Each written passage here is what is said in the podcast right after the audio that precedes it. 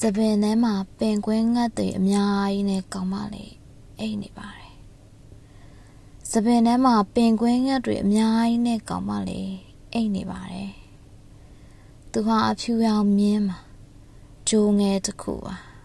အဝတ်ပြီးတော့ယုံငုံထားတဲ့နှွဲပင်မှာမိတ်ထားတဲ့သူ့မျက်လုံးတွေဟာငါရဲ့မျက်လုံးတွေပေါ့ထားတော့နှွဲ ဒိုးတွေတောင်တွေကိုရွှေ့ရမယ်ယုံသေးတွေလိုက်ကောက်ရမယ်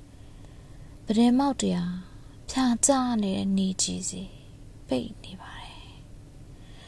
ဒီနေ့တော့အလုတ်များမယ်အင်အားကန်နဲ့ရေဖြည့်ရမယ်ငားတွေကိုလည်းကန်မောင်မောင်မှာချက်ချင်းမွေးပြီးကန်နဲ့ထည့်ပေးရမယ်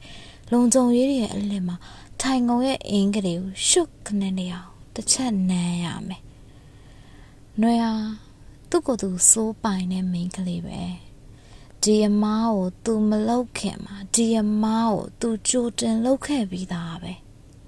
ဘသူစီရောမှ तू တရင်ပို့เสียမလို့ပန်းနေဟာ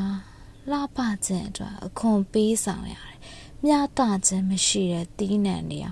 လက်လက်ထနေတဲ့မြေမှာတီးပွင့်နေကြတယ်။နှွဲဟာ ကလေးဘဝမှာကနေနောင်ကြုံလာရမယ့်လူအဖွဲ့အစည်းကိုတ िश ူစားရနဲ့မန်းနေကြတာဖြစ်တယ်။အဲဒီလူအဖွဲ့အစည်းဟာတိုက်နေတဲ့လေကိုဟိုက်ဒရိုဂျင်အပြည့်အဝနဲ့စံတက်နေကြတာပေါ့။နှွဲအိပ်ပျော်နေတော့သူ့ရဲ့ခရမ်းရောင်ပါပြင်းကိုငါနမ်းတယ်။ဝါစိမ့်ဒီပြနှွဲရဲ့အရေးပြားဟာ